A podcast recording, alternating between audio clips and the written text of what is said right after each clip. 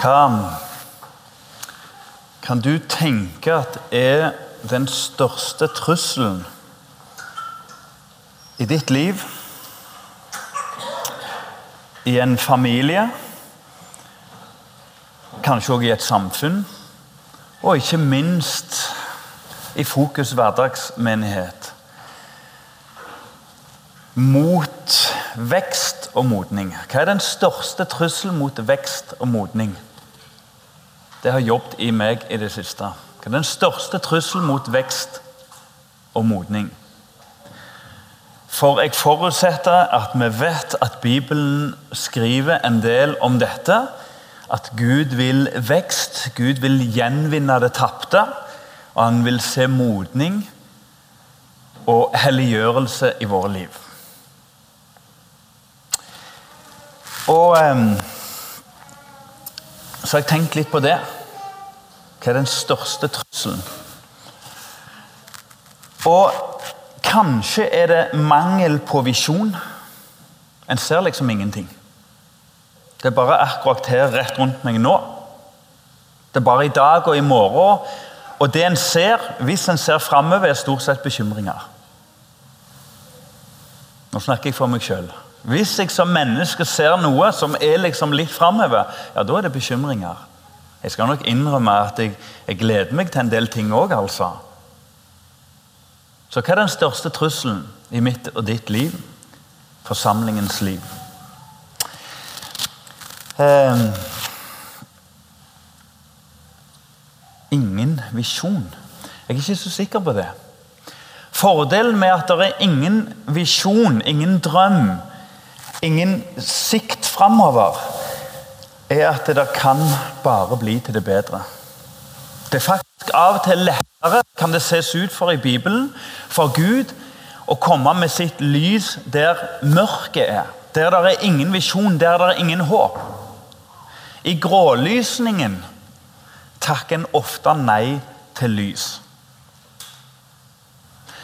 Så jeg er ikke overbevist om at mangel på visjon er den største trusselen. Jeg tror at middelmådige visjoner er den største trusselen, i hvert fall i Norge.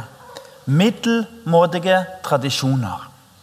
Kalkulerte, avveiende, skeptiske visjoner.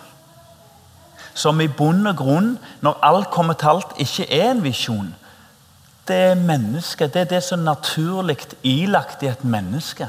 For Gud har skapt oss med skaperkraft. Gud har skapt oss med vilje til å se framover, planlegge og drømme. Så i bunn og grunn så viser det seg at det du og jeg tror er visjon, er ikke noe annet enn det som driver en på et fotballag. Eller en entreprenør som liker å skape og bygge.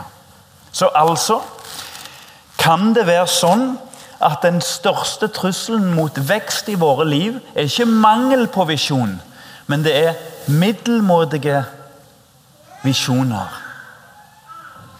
Og Derfor er gjerne du litt sånn som meg. Så når du hører Knut Are Kleppe gå fram Han var morsom i dag, syns jeg, når han trakk fram både den ene og den andre vitsen. Knallbra presentasjon. Og så sier han 700, og så rakner det for meg. Men det er jo litt Knut Are, det. 700 mennesker. Det er litt sånn Knut Are. Han liker å drømme. Han er litt sånn, han. Men vi trenger han òg. Er det litt sånn? Og så er det mennesker som sier at eh, fokus skal bli 500. Nå hadde vi en diskusjon på det. Det sies at det ble sagt 1000 for en 6-7-8-9 år siden. Jeg mener det var 500. Vi skal bli 500 eller 1000 mennesker her. Ja, han er litt sånn, han. Litt drømmende. Litt fjern. Så får vi se. Vi får krumme nakken og vente og se. Jeg snakker for meg sjøl nå, altså. Og så er det noen som ryker på og pusser opp nede. For de brenner for noen. Ja, de er litt ambisiøse. Pengene fyker. Vi får nå se. Jeg lurer på hva Gud tenker om sånne mennesker. For Nå har jeg avslørt litt av det som dukker opp i meg når jeg hører 700 mennesker. Når jeg hører noen sier vi skal samle inn 1 million. Ja, ja, det får du stå for sjøl. De siste 500 får du samle sjøl. Husker dere det Sølve Salte sier vi skal samle inn en million? De siste 500 får du samle inn sjøl, takk. Kan det være at vi dreper noe? Kan det være at Gud sitter i himmelen og tenker heller litt sånn? Endelig en som forstår meg. Vet du hva? La oss klamre oss fast til mennesker som ser noe framover. La oss ikke bare snu oss og se tilbake på Hans Nilsen Hauge som en mann som omtrent alle i Norge kan like.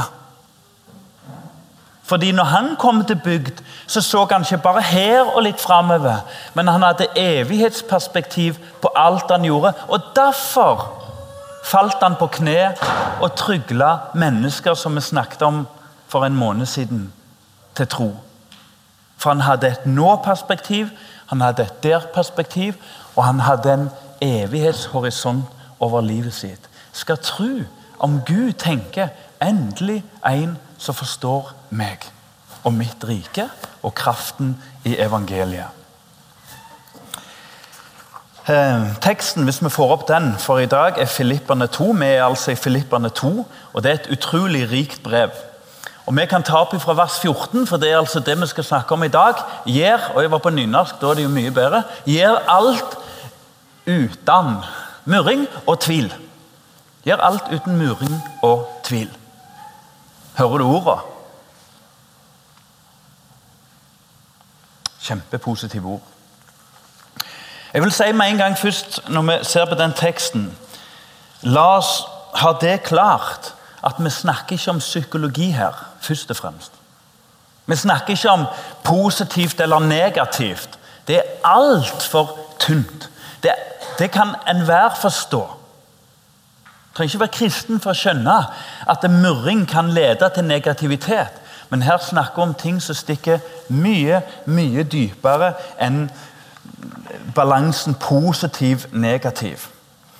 Men jeg har lyst til å eh, bare la dere bli med litt inn i gårdskveld. Vi fikk besøk i går. Så kom der, um, hun, hun dama og sier at i dag er det uh, det jeg trodde var Grand Prix, som de har skifta. Det syns jeg er frekt gjort å skifte det til European Song Contest. Kjente jo ikke igjen overhodet dette programmet. Så setter vi oss ned i det vi kaller bunkersen og skal se Grand Prix sammen. Uh. Og, hvis, og hvis altså et møte eller et kristen fellesskap eller fokus er for deg eller de som ESC, som det heter nå, er for meg, så har vi et problem. Da har vi et skikkelig problem. For jeg oppdaga når jeg hadde lagt meg i går, at jeg hadde i bunn og grunn sittet og murra og klagt fra begynnelse til slutt. Og det verste av alt, jeg har jo all grunn til det. Hør nå. For det første, den scenen Var det noen som så det? Trenger ikke rekke opp, men bare inn i hjertet ditt. Svar. Den scenen der tror jeg er det mest kaotiske greien jeg har sett et lysshow så det virker ut som de har bestilt fem firmaer. Alle får bare legge oppå hverandre. Det er bare å kjøre på med det du har. Tema Det gikk jo helt i hytt og pivær. Lystema. Sangene var ufattelig lite catchy. Her sitter hele Europa, Australia, Israel og flere land og jobber med sang. Og dette Det satte seg jo ikke overhodet. Stort sett.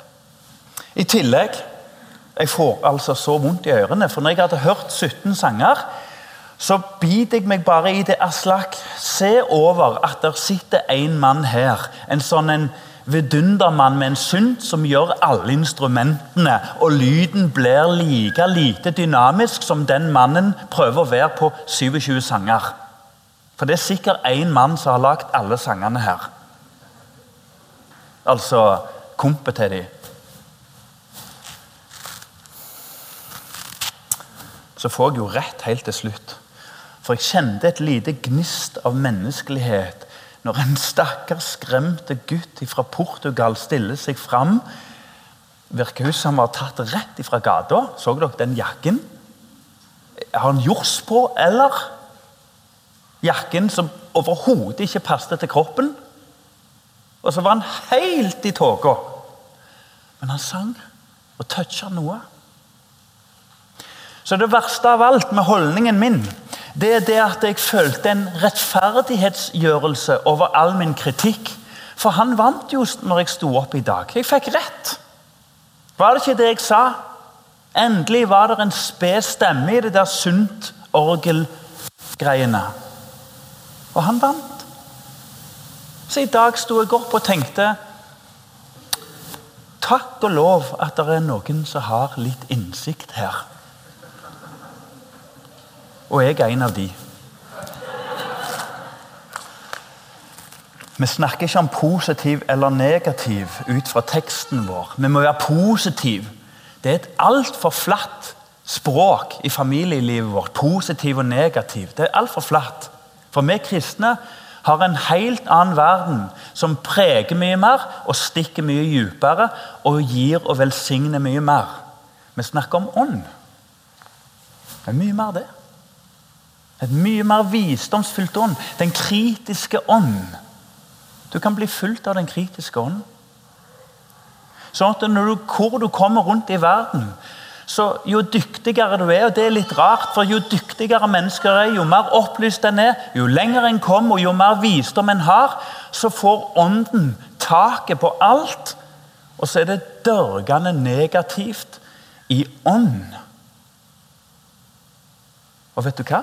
Sånn kan ruinere en menighet. Sånn kan ruinere en menighet. I teksten vår så er det en forfølgelse der Paulus kommer til det der kjente kapittelet 'Gled dere alltid i Herren'.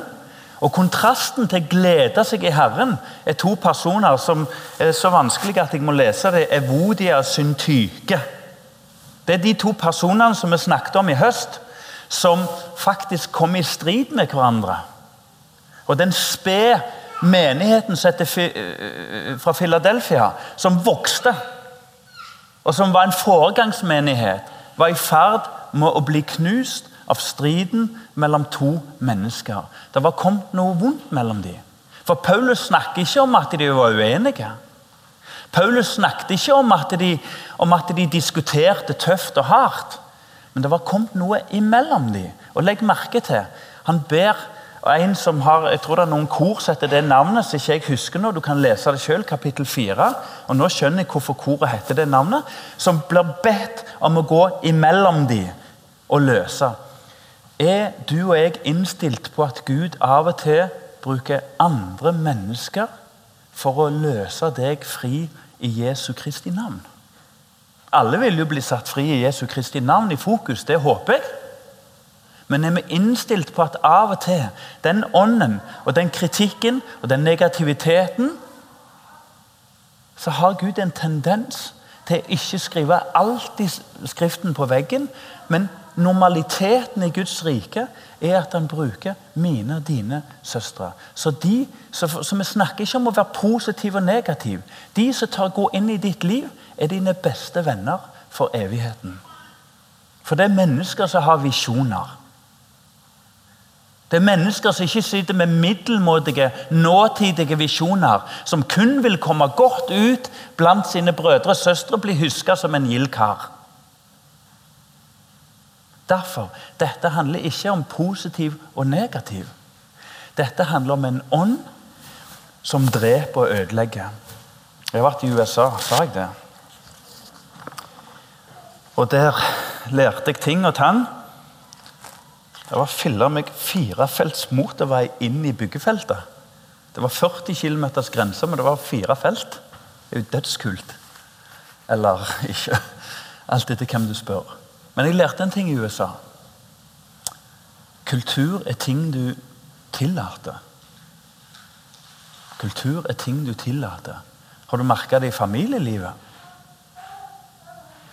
Det er når ting bygger seg opp og til slutt er det en akseptert kultur som har sementert seg inn i våre liv.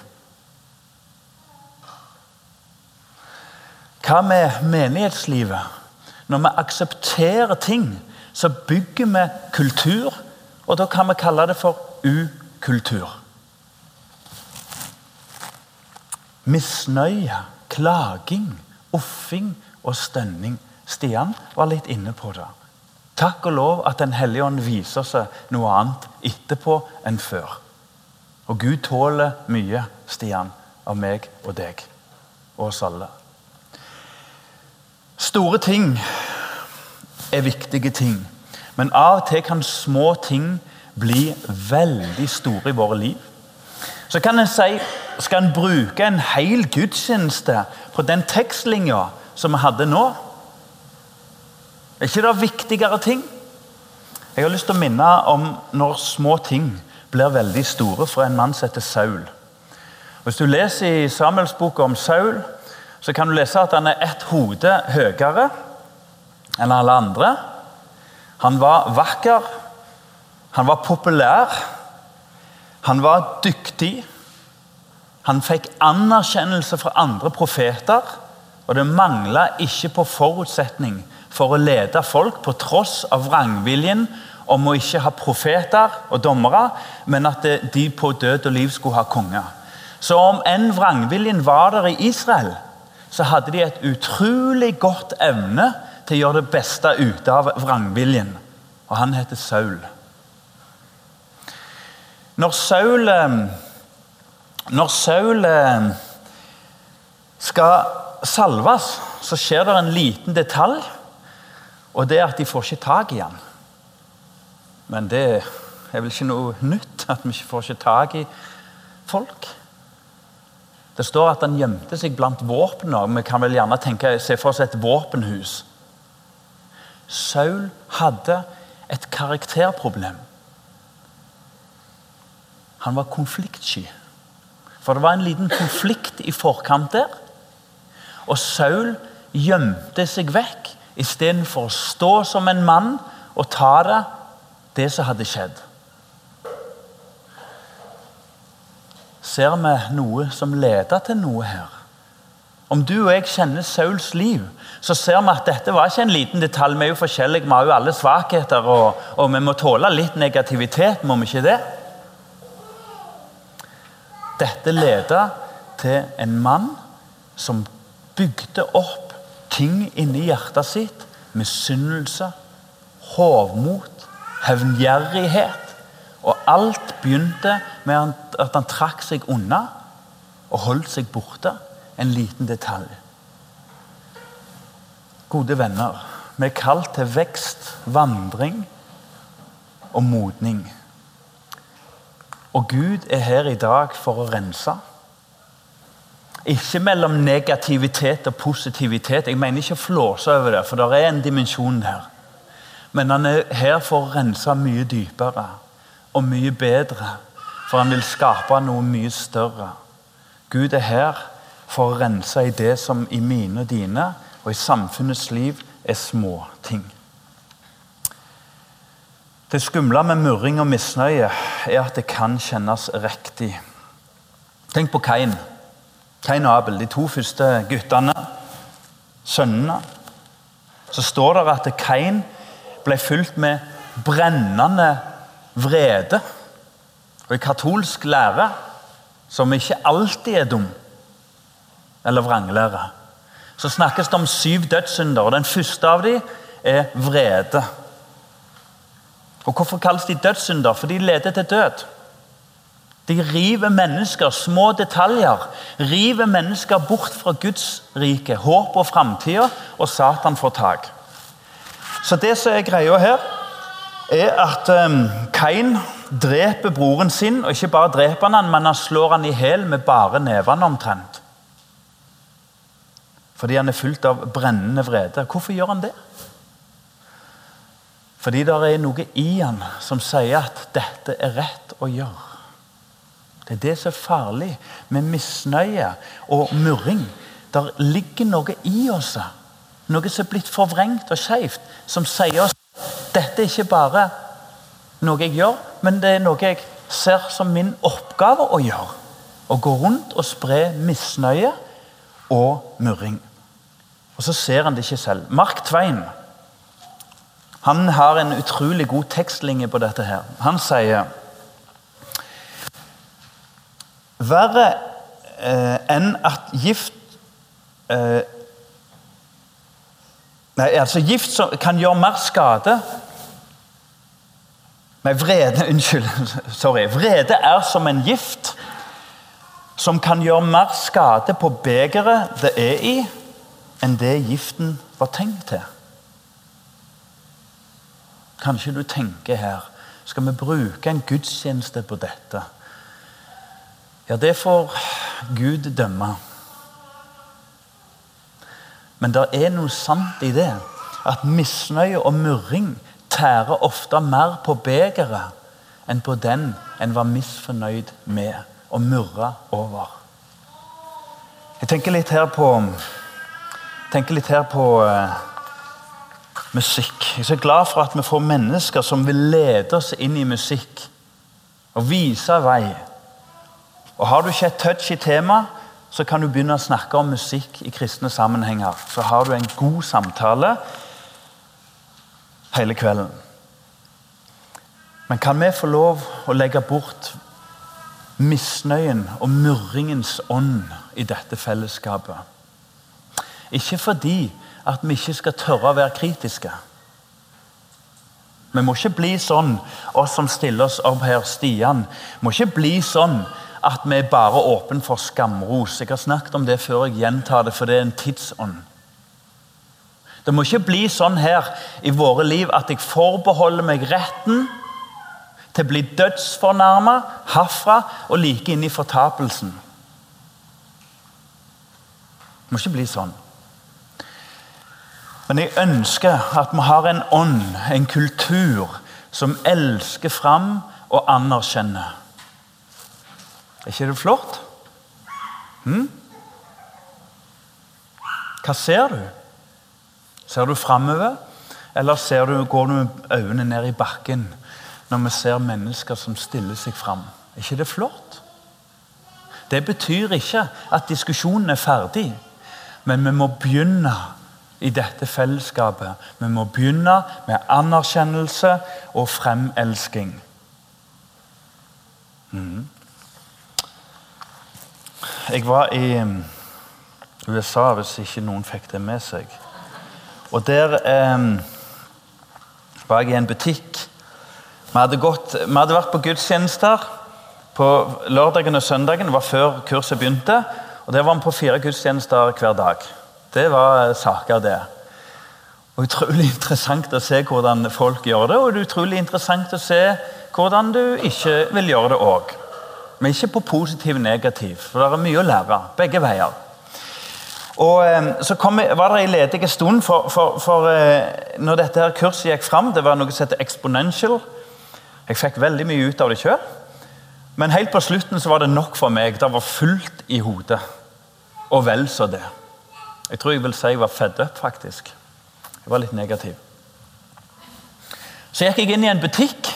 Og Der var det ei dame som hadde sagt til meg som var med på følget, så sa hun der må du bli med inn, for der er det så mye bra Det var sånne, Se for deg sånn, eh, sånn løkkeskrift eh, Å elske er Eller den som Sånn som du henger på opp hjemme. sant? Åh, fyr, fyr, fyr, Fyringsved, vil jeg gjerne tenke. Men, og så gikk jeg lenger inn, og der var det eh, ja, Jeg skal ikke si mer om det. Men jeg kom helt inn til et plass der plutselig jeg stoppet opp. Og så var det et glassmonter sånn og sånn og sånn. Så hang det noen sånne ermgreier med noen tekster og sånn. Og så slo det meg. Aslak, nå har du akkurat kjøpt snop. Du har gjort plikten din. Pakke med tyggegummi. God idé. hæ? det var det jeg kom på. For det ga jeg sist gang òg. Tyggegummi det liker ungene. Det reparerer ei uke vekke. Men jeg er litt blind, skjønner du, for jeg ser ikke framover. Så stoppet jeg opp, og så så jeg det var et kors. Det var dette. Og så var det et armbånd. Og så hadde jeg lyst til å gi noe til Besa og Maria og Jonas. Men så var jeg en sånn, nå er jeg helt ærlig, jeg var i en kamp med meg sjøl. For det kosta litt penger. Og så holder vi på å bygge hytter, bygge bedehus. Så vi sløser jo ikke med penger. og Jeg har jo sagt om det nå, at nå må vi være litt forsiktige her. Så jeg har aldri vært så forsiktig som jeg bøyde meg over den der greia der og kikket. Fryktelig dyrt. Kvelden før hadde jeg vært på Joe's Crab-restaurant. Det var dyrt. Det var veldig dyrt. Med Helge Standal han lurte meg trill rundt. Kulturmannen, presten. Ja. Det var dyrt. Så fikk jeg ta det med hjem. Jeg tvang meg til å kjøpe de tre tingene. For jeg, jeg, tror jeg kan si det sånn at den der boka med de der fem tingene, vet du, så er ikke gave det er ikke det nærmeste meg. Verken å få eller å gi. Er dere med? Så det kosta veldig mye. Og så fikk jeg gi den hjemme. Og så vil jeg ikke utlevere for mye om det, men det handler om at jeg er uten visjoner. For livet mitt på det planet er middelmådig. Det er faktisk ikke Gud som leder meg. Jeg tvinger meg bare på lik linje med en hvilken som helst annen som ikke har gavens fremste tanke. Så jeg tvinger meg til. Men så er det noe om det vi sa som ble sagt om her. Du må gå inn i ting først fra scenen. En familie som flytter. Du må gå inn i ting først, og så må du se hva velsignelse som det gir, og som det gir, og det gir. Derfor har jeg lyst til å ta dere med litt inn og spørre hverandre Lever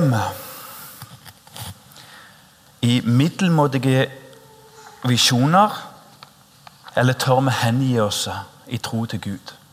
Og Da er det et tema som jeg vil ta i den siste delen her nå, som har ingenting med murring å gjøre. Så du har helt rett. Det er en taler som begynner med noe og begynner, slutter med noe helt annet. Men nå får det stå. Men det er denne ånden. Denne villighetens ånd. Tjenerånden. Den omvendte karrierestigen som vi har snakket om fra sommeren og fram til nå. Han som gikk fra himmelen og holdt ikke på fallskjermrettigheten, men gikk frivillig, for han hadde glede i å bli menneskesønn. 20 ganger nevner han det sjøl. 20 ganger sier Jesus jeg er menneskesønnen'. Han hadde glede av det. Og så gikk han villig inn i smertens vei, og så ble han forlatt av Gud. Og derifra, derfor skal han få lønn. Derfor skal han oppheves til å bli navnet over alle navn. Tenk om du og jeg kunne få gå inn i en ting nå og prise Gud og gå inn i tro. Og Jeg har lyst til å snakke litt om noen lignelser. I Bibelen er det 38 lignelser. Jeg fortalt. Jeg har ikke studert alle. De er delt inn i fire grupper, sies det. En av gruppene representerer nesten 50% altså 16 av lignelsene går på én ting. Vet du hva det er? Det er forvaltning. Og vet du hva? Dette gleder jeg meg til, for jeg tror jeg har en gave, en frihetens gave som vi kan ta med oss ut i dag. Det er ikke bare 'tenk på det' og 'tenk på det' og 'slutt med det'. Det er en frihetens gave. Jesus han eh, snakker i disse utrolig flotte eksemplene om forvaltning. Og På gresk så betyr det økonomos. Og Det ligner jo enormt på økonomi altså om penger. Så kan en si er Jesus så opptatt av penger da? Nei, han er opptatt av hjertene våre. Og så er det en gang sånn at penger styrer mye av livet vårt. I hvert fall når du har for lite. La oss ikke gå i den fella. Jeg har nevnt det før. La oss ikke gå i fella at, at det er de rike. For penger biter begge veier. Og det styrer enormt mye av livet vårt. Faktisk sånn så sier Bibelen at det styrer våre hjerter. Der hvor vår skatt er, er hjertet. Så han vil altså ikke først og fremst hjelpe oss med penger, men han vil hjelpe oss med hjertets holdning til penger. Matteus 18, ubarmhjertige tjener. Matteus 21, vinbønnen og arvingene. Matteus 24, kloke husholderen. Matteus 25, talentene. Lukas 12, den rike bonden. Lukas 16, den kloke forvalteren. Lukas 19, om pundene. om å kunne fortsette. Det som er felles for dem, er at de er bygd opp på forholdsvis samme måte, selv om de er forskjellige. Det er tre gjengangere, og vi koster oss på å snakke om det. Det ene er at det er en eier av penger. Jeg var på tur nettopp i et land som ikke jeg vil nevne. Sammen med en fyr som startet et utrolig genialt firma, så jeg tenkte hvorfor fikk ikke jeg være med på det? Typisk så sitter der fire stykker og én med penger. Han med penger gjør ingenting. Typisk de med penger. Og så er det tre andre som gjør noe, men de er helt avhengige av han med penger. I hvert fall det firmaet. Så det er typisk for disse lignelser at det er en eier, en herre, over verdier og penger. Og så er det en nummer to, en forvalter. En disponent. Før i tida reiste jo landet rundt av folk som var disponenter. De disponerer eierens verdier. I bunn og grunn, så, Hvis du lurer på det, så er det her vi kommer inn. Vi er disponenter og forvaltere. Skulle i hvert fall vært det. Og Så har du et tredje element. Vi må ha Det kapitalen. Det er pengene i seg selv. De blir gitt fra eieren til disponenten eller forvalteren. Og det blir gjort liten detaljert styring. Hvis du er en god eier, så gir du ikke for mye detaljert styring. Du gir ganske stor frihet til forvaltning. Og Derfor så kreves det av forvalteren klokskap og ansvar, og et spørsmål som alltid må ligge i forvalterens hode og hjerte. Hva er i eierens interesse? Vel, så er du rett og slett en dårlig forvalter. Hva er i eierens interesse nå når jeg står med dette her? Tenk dere disse her tre karene som har dannet et firma med den fjerde, han med pengene. Og så forvalter de tre totalt uten interesse for han fjerde. Han som kom med pengene. Da har vi et problem. Da blir det bråk. Eieren Og så er det en, en ting som går igjen.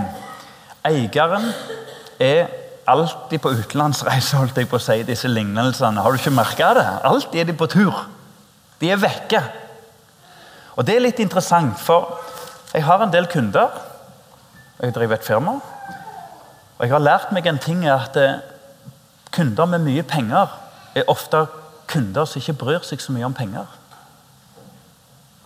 Bare det at de har mye penger, skyldes at de stoler på andre mennesker og gir av det de har samlet opp, til andre mennesker. De liker å dele. Det er ganske fascinerende, der greiene, hvordan vi lurer oss sjøl og tenker de rike de skal få svi på en eller annen dag. Og så er det en siste ting som gjelder. En dag kommer eieren tilbake. Og Da er det ikke bare sånn at eh, ja, ja, ja, så var det de pengene. Nei, hva har du gjort med pengene? Hva har du gjort med verdiene mine? Det er ganske interessant. Visste du at merverdiavgift Jeg fikk helt sjokk jeg når jeg starta firma. Tenkte kan jeg ikke bare selge det rett videre? Nei, det aksepterer ikke staten. For staten vil at det skal skapes mer verdier. Det er et skikkelig kristent ord. Så når du tenker på merverdiavgift, det der dumme tallet 4-25, den diskusjonen 1% opp og ned, tenk på det med glede. For hele poenget er at når jeg selger, en selger noe til meg, så skapes det en merverdi. Og Så bruker jeg det produktet, blander det sammen med noen timer og noe vann og noe greier. Det gir skikkelig Ikke si at flytsparkel er bra. Og så forvalter du det videre til en ny kunde. Hva gir det? Mer verdi. Staten forbyr at du bare selger flatt videre. Da skal det ha en bestemt reklameøyemed. Du må dokumentere det. Fordi vi lever i et samfunn som vil forvalte ting, og ikke fryse ned verdiene. Ja, jeg tror vi har skjønt det. La oss få opp 1. Peter 4,10. Der står det litt om forvaltning. Ettersom hver har fått en nådegave, så tjen hverandre med henne som gode, gode husholdere over Guds mangfoldige nåde. Du har fått den. Og da vil jeg bare spørre her nå Hva som er i ferd med å skje med oss? Lever vi livet som forvaltere av det Gud har gitt, eller lever vi livet som forbrukere? Hvis vi går halvannen, en og halvannen generasjon over meg Da er du ikke sånn kjempegammel, men litt. Så var det noe som heter torv. Og brenning av torv.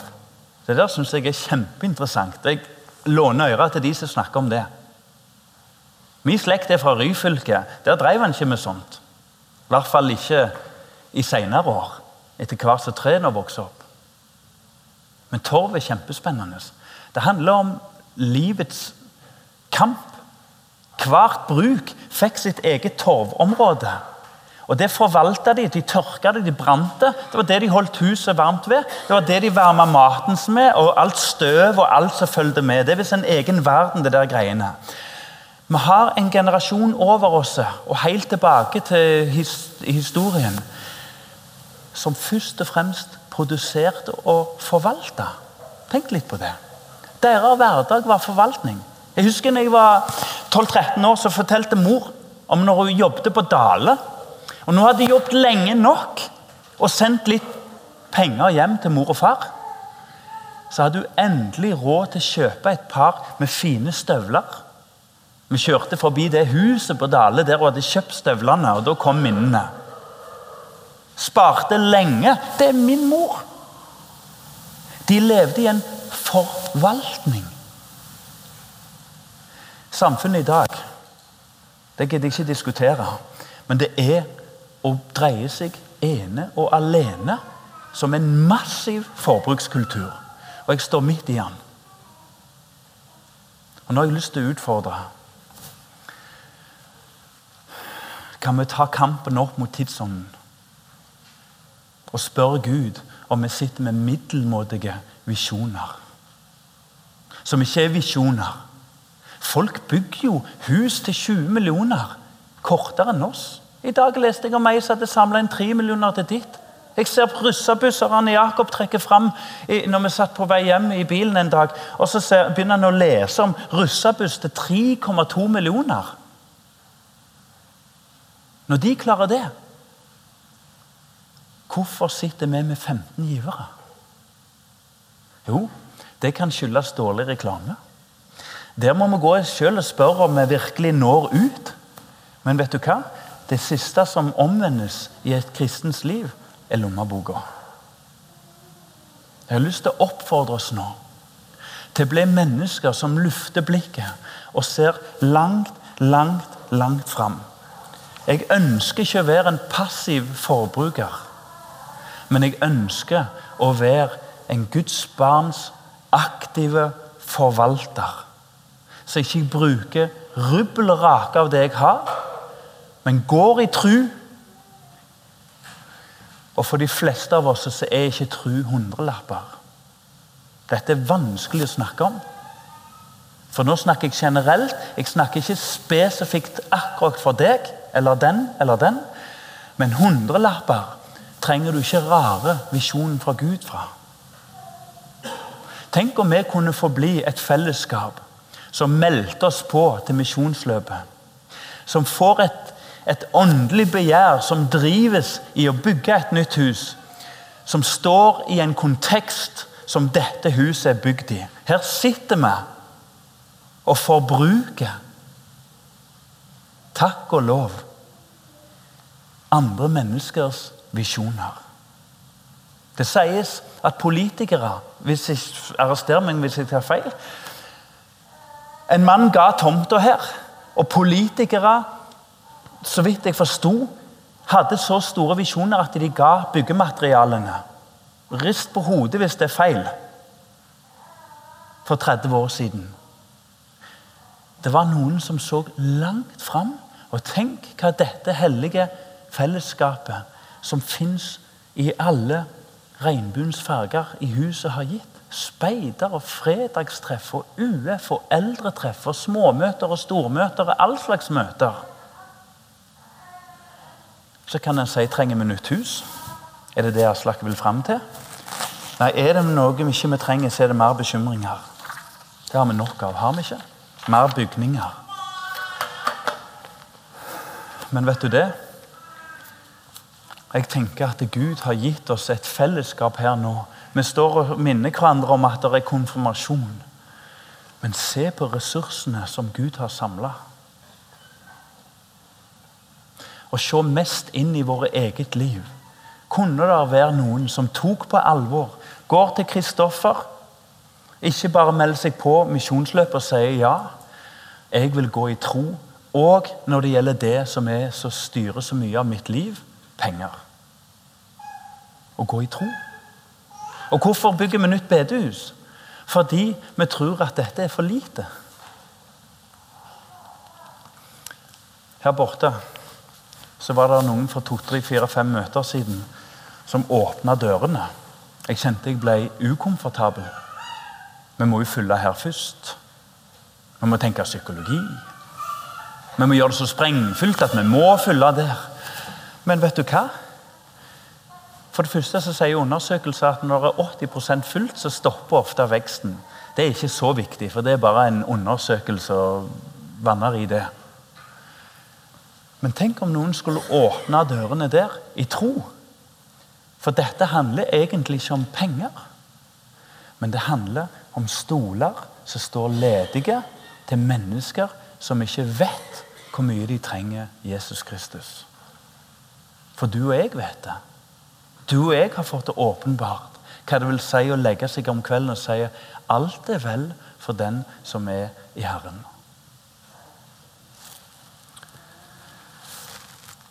Stian, du har sikkert en plan videre. Men det var altså en, en svenske som het Lars Åke et eller annet. Han var eiendomsinvestor og ble fryktelig rik. Typisk, altså. Og så investerte han pengene sine i skog i Sverige og ble enda rikere. Og Så forteller han når han gikk i en menighet der og delte med menigheten sin, og sier at eh, på mine eldre, han ble intervjuet, på mine eldre dager så er min største glede å f.eks. å gå ut med barnebarna mine og plante trær. Noe rart det der, Sånne store, rike gründere de kjøper ikke nødvendigvis helikopter, men de vil ut og plante trær. De vil tilbake igjen til der alt begynte. Plante trær med barnebarna sine. Så spør plutselig det ene barnebarnet når kan vi hente tre nå? det må jo forbrukes. Vi må få gang på det. Så svarer Lars Åke ja, hvis det er furu, så må det være noe sånn som 60-80 år eller mer. Men hvis vi planter lerk, ja, så kan det være noe sånn som 30-60 år. Så svarer barnebarnet Ser du visjonen her? Så svarer barnebarnet ja, men bestefar, da planter du for meg.